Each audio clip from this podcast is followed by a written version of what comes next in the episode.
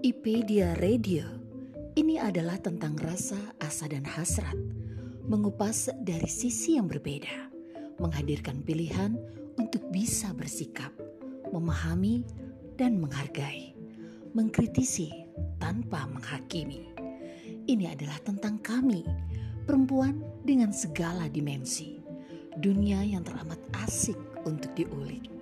Ini adalah IPedia Radio, teman baik dunia perempuan.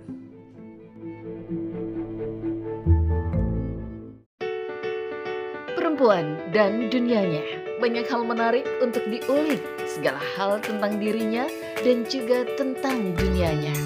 Tentang perannya sebagai istri dan ibu, tentang pemikirannya mengenai suatu hal, tentang rasa yang dimilikinya, tentang keteguhannya yang tak pernah surut, tentang kepeduliannya untuk bermanfaat dan juga tentang kebahagiaan menjadi dirinya.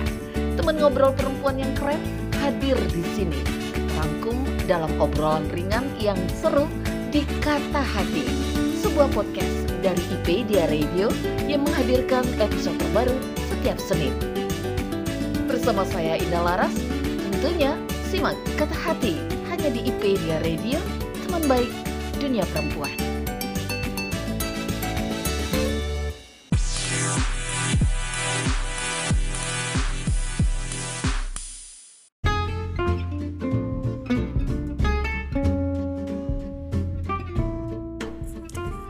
Assalamualaikum warahmatullahi wabarakatuh. Hai, halo teman baik IPedia Radio FK di sini.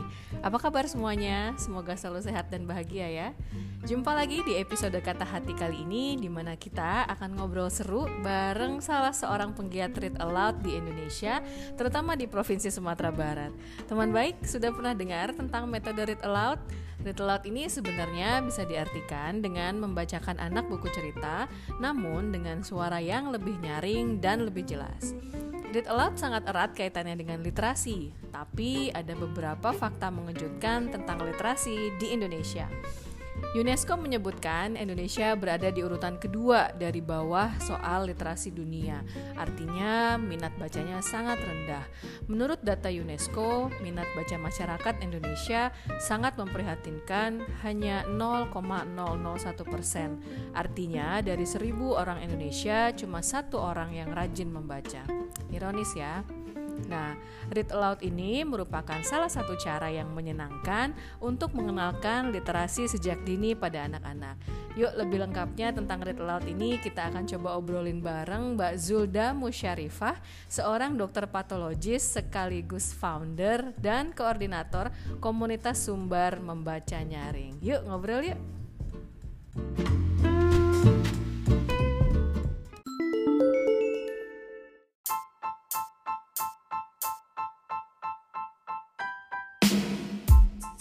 Assalamualaikum warahmatullahi wabarakatuh. Waalaikumsalam Masya Allah, warahmatullahi wabarakatuh. Alhamdulillah. Apa kabarnya Mbak Zulda? Alhamdulillah kabar baik. Gimana, Alhamdulillah sehat-sehat juga. Gimana nih Mbak aktivitas selama pandemi nih? Eh, Kira-kira Bu Dokter nih makin sibuk apa enak di rumah nih apa gimana? Mungkin kalau saya nggak yang berhubungan langsung dengan ini ya, Mhm. dengan COVID. Jadi eh, tetap tetap sih Mhm. datang ke rumah sakit, tapi malah jadi ini sih jadi berkurang waktunya karena memang dibatasi Oh. juga ya selain untuk yang penanggulangan Oke. COVID. Jadi malah jadi kayak Gitu. orang kantoran ya jadinya. bisa jadi gitu malah berkurang dulu oh tapi kalau sekarang kan udah mulai ini lagi ya seperti Uh, uh, uh. normal lagi seperti bia hampir seperti Hmm. biasa lagi sih. Biasanya kalau yang eh, COVID kerjanya. dibedain penanganan ya, lantainya kayak Mhm. gitu-gitu diisolasi biasanya ya. Uh, uh, tempatnya Mhm. betul betul dan dokternya kan memang Mhm. dokter khusus gitu ya yang berhubungan dengan covid mungkin kayak paru Mhm. penyakit dalam nah kalau saya mungkin yang nggak bidang itu jadi nggak terlalu berhubungan Nah, dengan Bu dokter patologis nih apa nih aktivitasnya? Mm-mm. aktivitasnya sekarang ya jadi dokter patologi di salah satu rumah sakit di Mhm. Kota Padang. Selain itu juga jadi ibu rumah tangga, ibu dari dua orang anak. Selain itu juga eh, aktif juga nih jadi relawan di yang bergerak di bidang Mhm. pendidikan keluarga juga uh, read aloud dan Masya Allah, ini sibuk banget kayaknya ya. Jadi full activity, mesti pinter-pinter bagi waktu. Kira-kira gimana nih sebagai seorang dokter? Iya, relawan iya, founder juga nih kabarnya ya. Founder dari sumber membacakan nyaring. Bagi waktunya gimana sih Mbak? Mungkin teman-teman sahabat mau pada uh, tahu nih kira-kira kan banyak banget aktivitas yang uh, dilakukan. Bagi waktunya gimana sih biar seimbang semuanya bisa jalan gitu? Uh, ya, mungkin hmm. sedikit share kali ya teman-teman yang lain juga pasti lebih lebih banyak lebih ahli dalam uh, membagi-bagi waktu. Jadi sih kalau saya sendiri untuk uh, membagi-bagi waktu ini memisahkan antara yang memang penting dan mendesak hmm. untuk dilakukan dan uh, beberapa hal ya, lain yang di bawahnya. Jadi beberapa hal yang memang mendesak saya lakukan uh, saat itu misalnya. Jadi membuat Betul. planning sih Mbak hmm. uh, seperti itu, membuat jadwal itu hmm. sangat membantu dulu sebelum bikin kayak list-list kayak gini kayaknya apa ya hmm. berantakan gitu ya jadi selalu mengerjakan sesuatu di deadline deadline gitu kak karena mungkin kayak saya juga orangnya deadline gitu ya jadi kalau kalau udah tanggal deadline betul. oh lebih terpacu kayak inspirasi itu baru datang nah, tapi kayaknya itu jadi betul, capek betul. kita ya kalau mengerjakan eh, seperti itu terus menerus jadi di list mana uh, yang harus dikerjakan deadline-nya tanggal segini kita kerjakan ya jangan mm-hmm. mepet-mepet nah kemudian juga sih supporting system sih Mbak Eka alhamdulillah dibantu mm-hmm. dengan suami teman segala macam jadi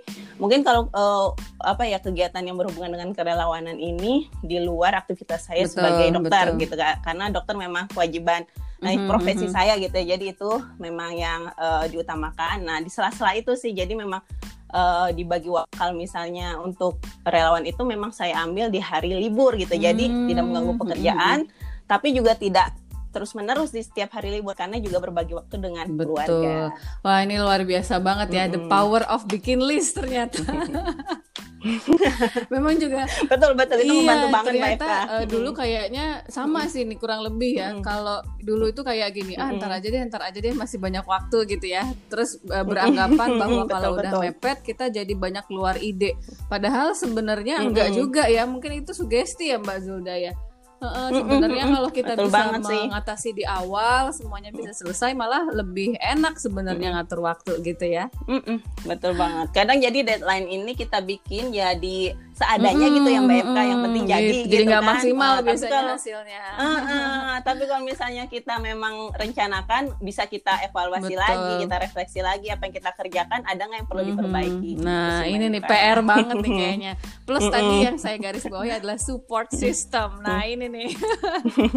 Harus bisa berkomunikasi juga ya sama keluarga gitu. Misalnya oh Betul. weekend ini lagi mau ngurusin tentang relawan dan sebagainya. Nah itu mesti minta waktu gitu ya. Mungkin sama suami suami dan iya anak-anak. dikomunikasikan Wah, betul gitu. betul banget mantap ini jadi antara me melis uh, tugas plus komunikasi produktif jalan semua nih kayaknya.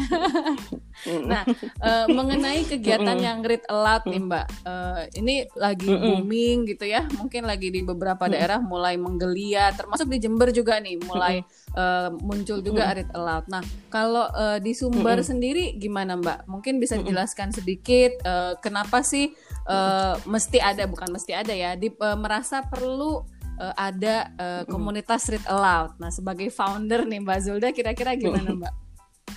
Iya, jadi sebenarnya Read Loud ini uh, sudah cukup lama ya Mbak Eka, hmm. tapi mungkin baru booming di Indonesia hmm. ini akhir-akhir hmm. ini.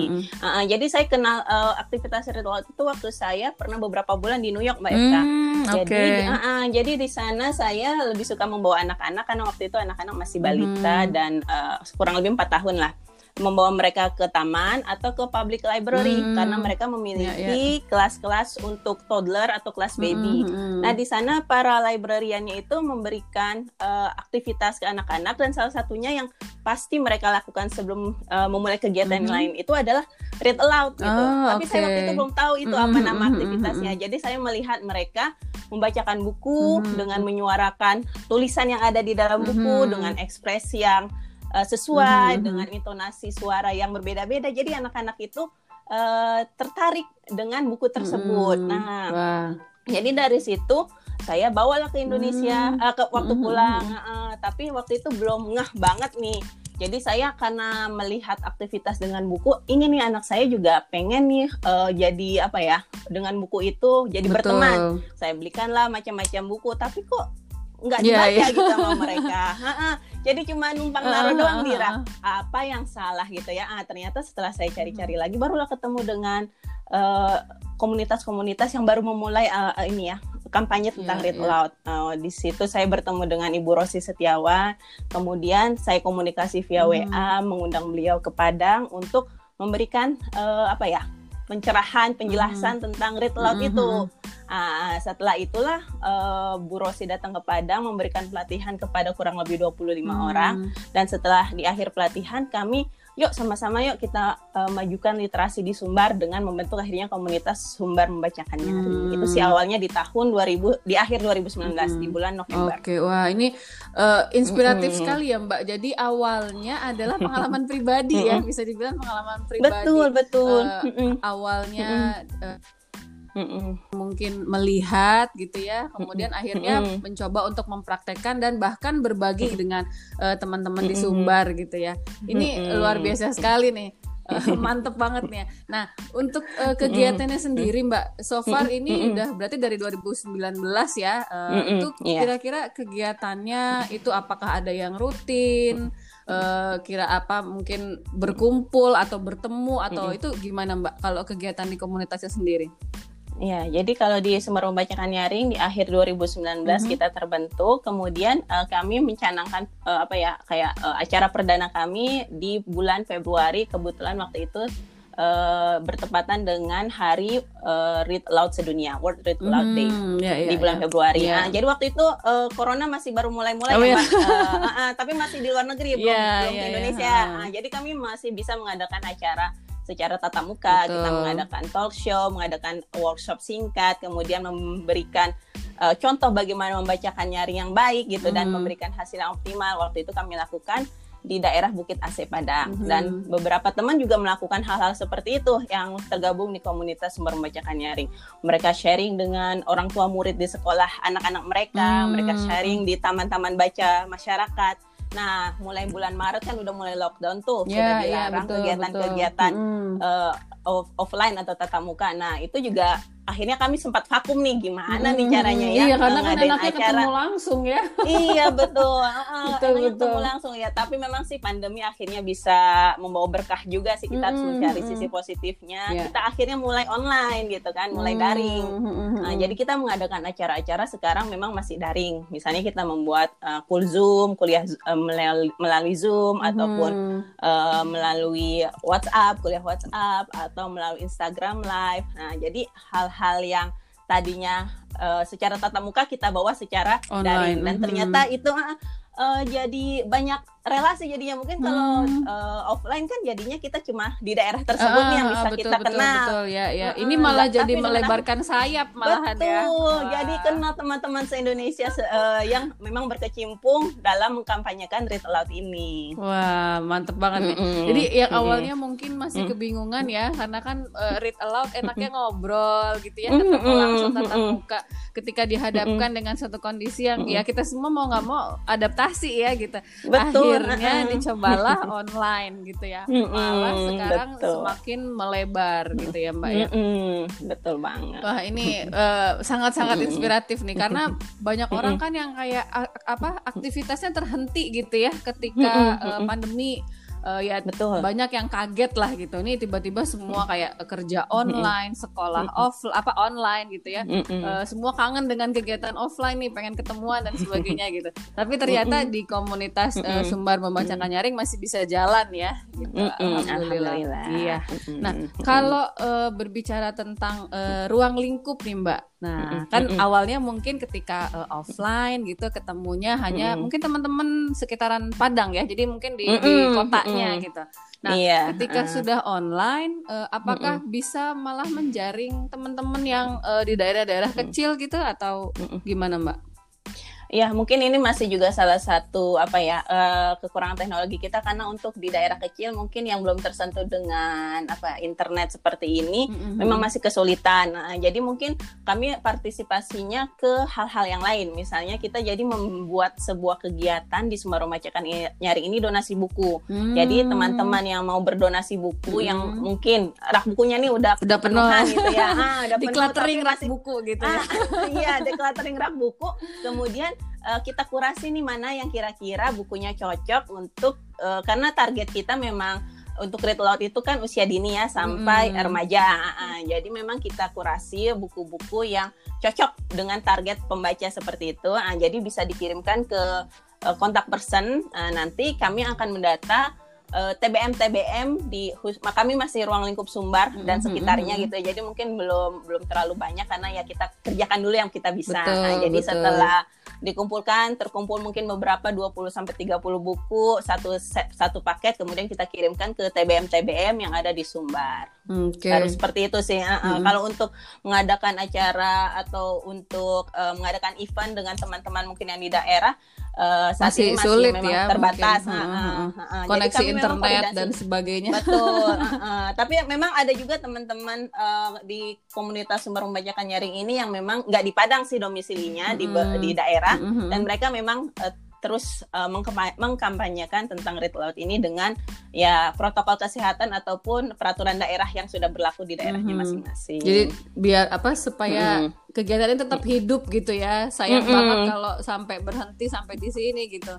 Nah, mm-hmm. uh, ini Betul. menarik Mbak. Tadi uh, sempat mm-hmm. disebutin uh, ada usia anak-anak uh, mungkin dari balita ya atau malah uh, usia nol nih sampai remaja. Nah ini mm -mm. kan range-nya cukup uh, lebar ya mbak mm -mm. kalau dibilang mm -mm. gitu. Nah ini pembagiannya uh, apakah cara storytellingnya itu different atau mm -mm. itu gimana mbak? Kalau pembagian menurut usia gitu, uh, umumnya dari uh. usia berapa sih gitu mulainya mm -mm. kalau read aloud ini?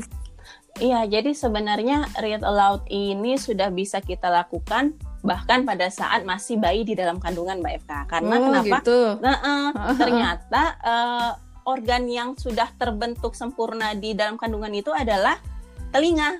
Jadi di usia 18 hmm. minggu itu oh, sebenarnya saya. bayi itu sudah bisa mendengar, bisa mendengar hmm, kata ibunya. Okay, okay. Nah, jadi uh, di situ pendidikan di dalam janin kita memberikan apa ya stimulus-stimulus dari dari dari luar gitu ya dari hmm, kita hmm. berupa suara-suara gitu yang memang suaranya suara langsung. Nah, hmm, jadi suara ibunya atau yeah, suara yeah, iya. bapaknya yeah. yang bercakap-cakap dengan si bayi bukan suara hmm. rekaman.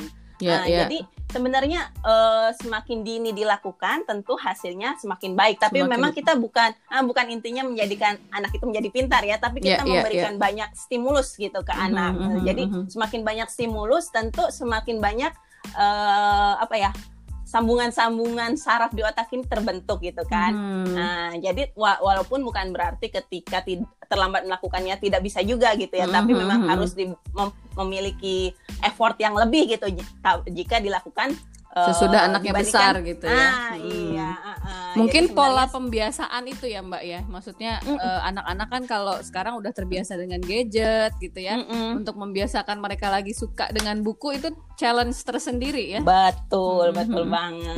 uh, Jadi memang tujuan dari read aloud ini sebenarnya bukan untuk agar anak bisa membaca Mbak. Mm -hmm. Jadi tujuannya itu supaya anak terbiasa dengan buku, mem, apa ya? Kita memberikan penya, pengalaman menyenangkan dengan buku hmm. sehingga anak akhirnya suka dengan buku, gemar dengan buku dan akhirnya gemar membaca. Nah, betul. Hmm. Ini menarik hmm. banget nih karena uh, hmm. awalnya aku pikir tadi oh uh, read aloud ya kan berhubungan hmm. dengan buku nih. Nah, banyak juga kan orang-orang yang uh, nggak memang nggak mengajarkan belum boleh mengajarkan membaca. Tapi kalau ini kan orang dewasa yang membacakan gitu membacakan. ya, Mbak ya. Uh, Nah, itu ternyata bisa dimulai dari masih di kandungan mm -mm. ya. Mm -mm, Jadi terus berlanjut betul. sampai mm -mm. Uh, usia sekolah ya.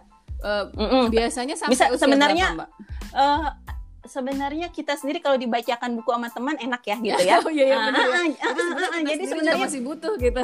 iya, betul. Jadi iya, walaupun iya, misalnya iya. anak sudah bisa membaca lancar mm -hmm. bukan berarti di stop gitu kegiatannya nah, bahkan ternyata betul. manfaat mm -hmm. lainnya dapat gitu. Misalnya bonding, bonding kita dengan anak. Iya, iya, kenapa? Iya. Karena waktu kita membaca nggak mungkin kita sambil masak kan ya Mbak iya, benar. ya. Nggak bisa disambi ya. betul, benar-benar waktunya itu kita berikan ke anak gitu. Jadi anak juga merasakan uh, keterikatannya dengan orang tua. Mm-hmm. Membangun mm-hmm. kebersamaan bukan mm-hmm. melakukan aktivitas bersama-sama ya gitu. Jadi iya. melakukan apa sama-sama baca. Mm-hmm. Mungkin ketika anaknya sudah bisa uh, membaca mm-hmm. sendiri uh, dengan dibacakan sama orang tua ada hmm. eksplorasi kayak nada bicara hmm. gitu betul, ya betul banget uh, penokohan hmm. mungkin gitu hmm. ya mbak ya jadi hmm. anaknya pun mungkin lebih imajinatif gitu mbak betul betul uh, uh, karena waktu membacakan buku kita bukan sekedar membacakan saja hmm. gitu kan jadi kita bacakan dengan intonasi yang menarik dengan uh, pemilihan uh, tanda baca. Jadi kita bacakan sesuai dengan tanda baca mm -hmm. gitu ya. Kalau ada kalimat pertanyaan, bacakan dengan kalimat tanya. Mm -hmm. nah, seperti itu. Kemudian juga ada uh, komunikasi timbal balik. Jadi misalnya kita bacakan satu bab, uh, kita tanya ke anak menurut kamu setelah ini si ini gimana ya? Oh, nah, okay. Jadi membuat prediksi-prediksi nah, nah, seperti Mungkin itu. kalau itu jadi, udah usia SD gitu ya Mbak ya, sudah bisa mm, diajak mm, interaksi apa? Iya betul. Mungkin seperti uh, review memang, buku ya pelan-pelan betul, gitu. Betul uh, uh. Jadi memang sih uh, berbeda antara anak masih bayi, hmm. anak toddler, hmm. anak uh, SD usia rendah gitu kan, uh, dengan remaja tentu memang uh, agak berbeda sedikit gitu ya teknik-teknik mm-hmm. yang bisa kita lakukan atau yang bisa kita pakai untuk membacakan buku. Jadi memang harus dieksplor lagi gitu. Nah kalau dari sumber membacakan nyaring ini uh, mm-hmm. biasanya concernnya atau uh, let's say mungkin uh, customer ya customer dalam tanda kutip itu lebih banyak di range usia yang mana mbak? Uh, kalau kami mungkin lebih banyak di literasi usia dini, jadi hmm. uh, di usia lima tahun ke bawah sampai SD kelas rendah. SD oh, kelas Oke, satu dua tiga ya. Iya.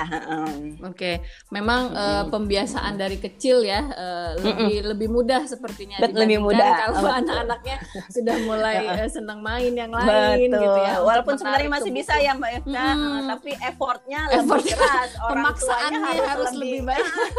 orang tuanya harus berjuang lebih keras. Betul, gitu betul. Kan.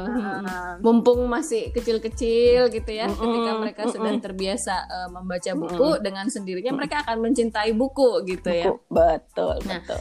Ini menarik banget nih. Uh, kan setiap anak ini perkembangannya pasti lain dong ya gitu. Ada anak yang uh, mungkin ketika sekali dibacakan dia langsung tertarik. Uh, kemudian mm -hmm. ada yang langsung baca buku lagi dong yang lain atau yang ini nah itu mm -hmm. ada juga anak-anak mm -hmm. mungkin yang tidak uh, tertarik itu ketika di awal-awal mm -hmm. gitu ya nah itu mm -hmm. gimana mbak cara menghadapi tantangan mm -hmm. perbedaan apa ya perkembangan mm -hmm. atau perbedaan karakter terhadap seorang anak Nah, ya. Jadi memang uh, kita dalam membacakan nyaring itu memang ada tahap-tahapnya, Mbak, mm -hmm. gitu ya. Uh, uh, jadi kita uh, awalnya itu sebelum membacakan buku. Jadi ketika kita uh, mem ingin membacakan buku berarti pemilihan buku ini harus tepat dulu. Mm-hmm. Pemilihan buku uh, yang tepat itu bagaimana disesuaikan dengan usia dan tahap perkembangan anak. Mm-hmm. Nah, jadi memang akan berbeda buku-buku yang kita pilih ketika bayi, ketika usia tiga tahun ataupun ketika usia tujuh tahun. Itu akan mm-hmm. berbeda Mbak Eka. Yeah, nah, yeah, jadi yeah. itu poin pentingnya usia dan tahap perkembangan anak. Mm-hmm. Kemudian uh, sebelum membacakan buku, baik uh, alangkah baiknya ketika itu kita baca dulu baca dulu sendiri. Nah, hmm. sehingga kita baca dulu, kita akan mengerti bagaimana membacakannya, ceritanya, gitu, okay. uh, uh, bagaimana hmm. di mana aku harus bertanya, di mana hmm. aku, di mana saya harus uh, menyampaikan sesuatu. Ah, jadi kita tahu nih di titik-titiknya di mana kita bisa memberikan uh, stimulus ke anak. Hmm. Jadi setelah hmm dan kita juga bisa memastikan konten atau ceritanya ini sesuai nggak dengan usia uh, value gitu. hmm. value keluarga kita sih sebenarnya ya, ya, value ya, ya. Uh, karena mungkin ada cerita-cerita mungkin buku-buku impor yang ternyata tidak sesuai value-nya dengan keluarga kita uh, jadi uh, itu bisa kita hindari dengan kita uh, membacakan um, dengan kita membaca buku terlebih dahulu sebelum dibacakan kepada anak hmm. nah setelah kita yakin nih, oh ini bukunya bagus, cocok untuk anak saya usia segini, ceritanya oke, okay, nggak nggak bertentangan dengan value keluarga kita. Nah sebelum kita bacakan, kita ajak anak dulu nih uh, melihat sampul bukunya. Hmm. Nah, jadi kita ajak anak mulai explore dari sampul bukunya. Hmm. hmm, hmm sampul hmm. bukunya nanti kan misalnya kita memang mencari buku uh, apalagi untuk anak usia dini, hmm. memang buku-buku yang lebih banyak gambar Mbak Ifka. Hmm. Uh, menstimulus ya untuk menstimulus uh, uh, bikin tertarik anaknya gitu ya. Bikin tertarik anak. Okay. Uh, jadi memang buku-buku yang picture book artinya gambarnya itu masih lebih dominan dibandingkan tulisan hmm, untuk hmm. anak usia dini. Yeah, yeah. Uh, uh, jadi memang kita explore mulai dari sampul. Uh, menurut kamu ini gambar apa? Kalau kamu berpikir ini ceritanya tentang apa? Oh, jadi okay. mulai dari sampul uh -huh. udah udah kita udah belajar berimajinasi belajar gitu juga. ya. Uh, uh, uh, uh. Oke. Okay. Nah, habis itu baru kita sebutkan uh, judulnya, kemudian kita baca, uh, sebutkan juga penulis dan uh, ilustratornya. Hmm. Baru kita masuk tahap membacakan buku. Nah, tahap membacakan buku itu yang seperti saya sudah uh, sampaikan sebelumnya, ya bacakan dengan kata-kata sebenarnya nyaring ini bukan keras ya Mbak Eka, tapi mm. suaranya itu jelas terdengar oleh pendengar uh, yang kita bacakan. Mm-hmm. Gitu aja sih. Jadi nggak perlu teriak-teriak gitu. Mungkin ada yang salah kaprah gitu ya. Oh, ini harus dijeritan gitu. Enggak ya. Iya, harus keras-keras yang enggak yang Mungkin artikulasinya jelas, jelas gitu ya. Jadi anak-anak enggak ini mama ngomong mm. apa sih gitu ya. iya. Nah, kemudian kita uh, bacakan buku sesuai dengan uh, teks yang ada di dalam buku tersebut. Mm -hmm. Nah, untuk anak usia yang belum belum waktunya membaca, bisa kita stimulus dengan menunjuk kata-kata tersebut. Jadi, ketika menunjuk kata, kita sebutkan kata tersebut. Nah, mm -hmm. jadi ini mm-hmm. membantu anak memproses juga. Oh, ternyata ke bola ini tulisannya seperti ini. Hmm. Nah, tapi bukan Meng berarti kita ngajarin ya, baca. berarti menghafal uh, kata-kata uh, gitu ya. Menghafal. Iya, jadi kan uh, itu karakter ya. Maksudnya huruf-huruf uh, itu kan simbol-simbol ya. Hmm. Uh, jadi jadi dengan anak uh, melihat oh bola dengan huruf B, ah seperti itu. Hmm, ya, Jadi ya, ya. itu uh, membantu anak untuk uh, literasi di selanjutnya untuk pada saat tahap usia membaca. Hmm. Tuh. Wah ini menarik hmm. banget mbak. Bener-bener dan uh, tantangannya macam-macam pasti ya karena anak-anak uh, ada yang mungkin hmm. resisten di awal gitu ya hmm. karena belum terbiasa gitu. Betul betul. Uh, pernah Tapi jangan nyerah ketemu, nah, gitu kan? Dia. Pernah ketemu nggak mbak yang susah banget nih misalnya mungkin ada ibu-ibu salah satu uh, apa namanya anggota komunitasnya gitu ya. Ada yang anak saya nggak mau sama sekali atau gimana itu pernah nggak uh, iya, ketemu itu, mbak? Pertanyaan-pertanyaan FAQ ya, yeah. yeah, yeah. question. Anak saya nggak mau dibacain dulu tenang gitu ya.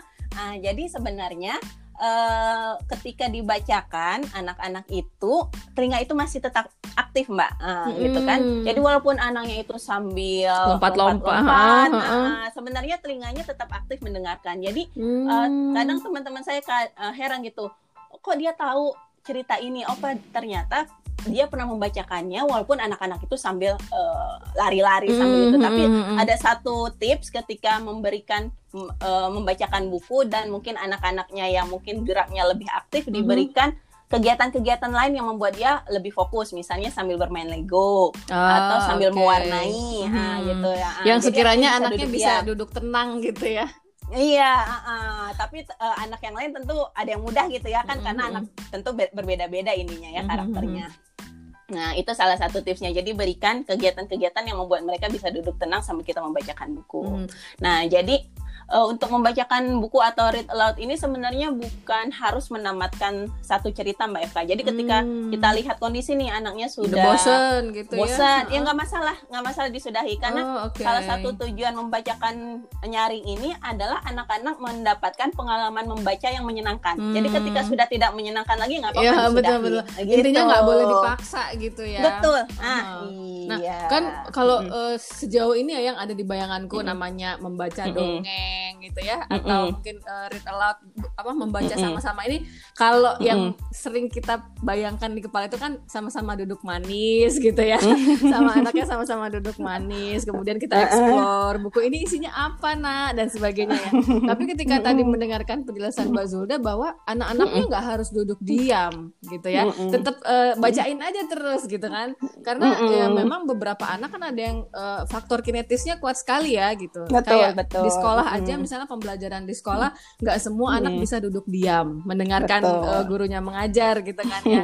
Jadi memang uh, kita juga sebagai orang tua harus memahami cara belajar anak yang memang unik ya, Betul. ya gitu. Nah, mm-hmm. ini menarik mm-hmm. sekali, Mbak. Nah, mm-hmm. salah satu lagi yang pengen saya tanyain itu adalah gimana misalnya kita ketemu sama anak-anak yang punya kebutuhan khusus. Mm-hmm. Nah, ini kan mm-hmm. pasti akan lebih susah lagi ya. Maksudnya anak-anak yang uh, mm-hmm. mungkin uh, over uh, ininya mm-hmm. gitu ya, kinetis atau mungkin punya uh, keterbelakangan. Nah, ini pernah nggak Mbak bertemu dengan seperti ini dan gimana cara mengatasinya? Uh, mungkin kalau pengalaman langsung saya belum pernah ya mm -hmm. Mbak Eka. Uh, jadi saya pernah sharing aja waktu itu di Instagram Live bersama salah seorang dosen pendidikan luar biasa gitu ya. Hmm. Jadi eh, saya bertanya bagaimana sih gitu kan membacakan buku kepada anak-anak yang berkebutuhan khusus. Mhm, betul. Ah, ah, ah, ah, ah. Jadi salah satu tipsnya itu memang yang pertama memang tetap pilih buku sesuai dengan tahap usia perkembangan si anak. Mhm. Kemudian yang selanjutnya adalah kita mengeksplorasi eh, apa ya di salah satu apa ya di dalam anak-anak berkebutuhan khusus mereka memiliki satu hal yang dominan. Nah, jadi Hmm. kita bantu hal yang tidak nominannya gitu. Oh, jadi ketika gitu, misalnya eh, kita membacakan buku kepada anak-anak yang mungkin eh, tunanetra misalnya ya. Mhm. Jadi kita mencarikan buku-buku yang taktil. Artinya buku-buku itu sekarang udah macam-macam produksi Hmm, buku itu. hmm, Jadi di dalam buku itu ada rangsangan sentuhan dengan tangan, dengan Oh, perabaan. oke. Ah, Iya, iya, iya. Jadi anak tunanetra bacakan buku, kemudian dia bisa menyentuh bendanya gitu, Hmm, menyentuh bendanya. sambil Atau meraba yang gitu ya, merasakan. sambil meraba. Oke. Ah, ah, misalnya kita bercerita tentang anak yang suka bermain bola, ah Mhm. kita bawa bolanya. Hmm, Ah, bola itu ini loh bola. ini. Oh, oke. Ah, ah, jadi Ah, terbayang sama mereka. Nah, Mhm. seperti itu juga dengan misalnya anak yang em, tuna eh, tunarungu gitu ya. Ah, jadi kita memang mencari hal-hal yang tidak dominan dari mereka dan kita bantu dengan stimulus yang lain Mhm. gitu, dengan benda lain yang bisa menstimulus eh, oh ini loh bentuknya, oh ini loh eh, kegiatannya. Mhm. Tuh. Wah ini luar biasa banget mbak. Mm-mm. Kayaknya pengen ngobrol aja terus nggak berhenti berhenti ya. Karena memang read aloud ini eh, Mm-mm. sangat menarik sebenarnya dan mungkin akhir-akhir ini eh, mulai banyak lagi orang yang menyadari bahwa bonding keluarga, apalagi di masa-masa pandemi seperti ini ya, kita Mm-mm, seharian sama keluarga gitu. Terus Betul. kegiatannya Mm-mm. apa gitu? Yang ada malah asik gadgetan nih masing-masing. Ya. Nah, mumpung nih ya, betul. mumpung ayah ibunya ada di rumah, mungkin inilah saat yang tepat untuk uh, kita mengajarkan atau membacakan nyaring buku-buku yang ada di rumah yang selama ini mungkin jadi pajangan doang nih. yang tertata rapi Iya, iya, gitu iya. ya, yang bahkan ah. mungkin ada yang belum dibuka plastiknya ini curhat Betul, betul. sebenarnya. Nah, ini kebetulan ya memang anak-anak ada di usia sekolah nih semuanya ya gitu. Dan eh, tantangan banget ketika di eh, masa pandemi seperti ini semua pembelajaran online pakai gadget. Betul. mau nggak mau Betul. mereka akhirnya pegang gadget nih gitu. Eh, akhirnya larinya ke game dan sebagainya. Nah ini Mm-mm. mungkin bisa diimbangi gitu ya eh, dengan mengurangi eh, gadget time-nya dan lebih banyak eh, mengenalkan buku ke anak-anak mungkin gitu ya mbak ya Oh, betul betul Ini banget Mbak Eva. luar biasa ini manfaatnya eh, simple sebenarnya ya kegiatannya kegiatan simple tapi memang membutuhkan komitmen dari orang tua Betul. gitu Ah, ah, ah, ah. Jadi kalau ingin mendapatkan manfaat yang optimal itu memang harus rutin Mbak Eva, Hmm, bukan nggak sekali, dua kali. Ah, ah. Sekali dua kali terus berharap anak bisa suka membaca ya. Ya, agak bisa sulit ya.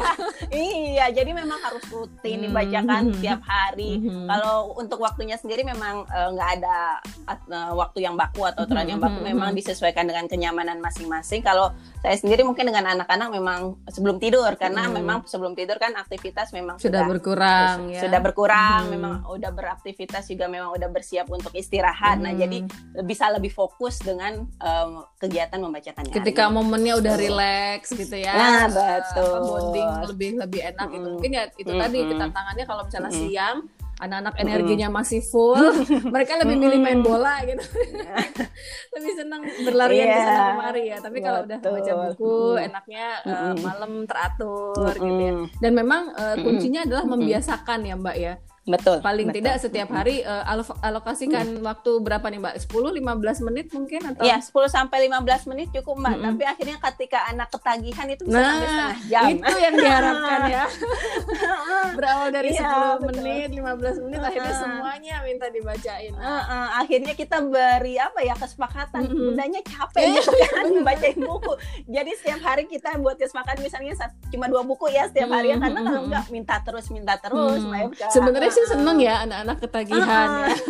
Cuman memang harus bisa pinter ngatur waktu juga nih Betul. dengan pekerjaan-pekerjaan Iya, iya. yang lain. Wah, Masya Allah, terima kasih sekali Mbak Zulda Mm-mm. hari ini sharingnya. sama-sama Nggak terasa udah setengah jam kita ngobrol. Semoga bisa nyambung lagi di lain waktu. Terima kasih Iya. sekali eh, waktunya Sama-sama. saya ucapkan. Mm-mm. Semoga sehat-sehat semua nih keluar-keluar di Sumbar. amin amin Dan komunitas Sumbar Mm. membacakan nyaringnya jalan terus sampai se lama-lamanya. amin amin. Oke. Terima kasih Mbak Eka Ya, udah berkenan sama-sama. mengajak sharing. Kayak gitu dulu ya Mbak ya teleponnya. Oke, oke. Terima kasih banyak.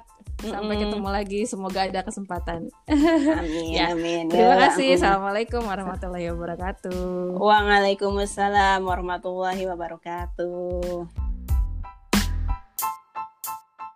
Terima kasih telah mendengarkan episode kali ini. Tetap stay tune di IPedia Radio, teman baik dunia perempuan.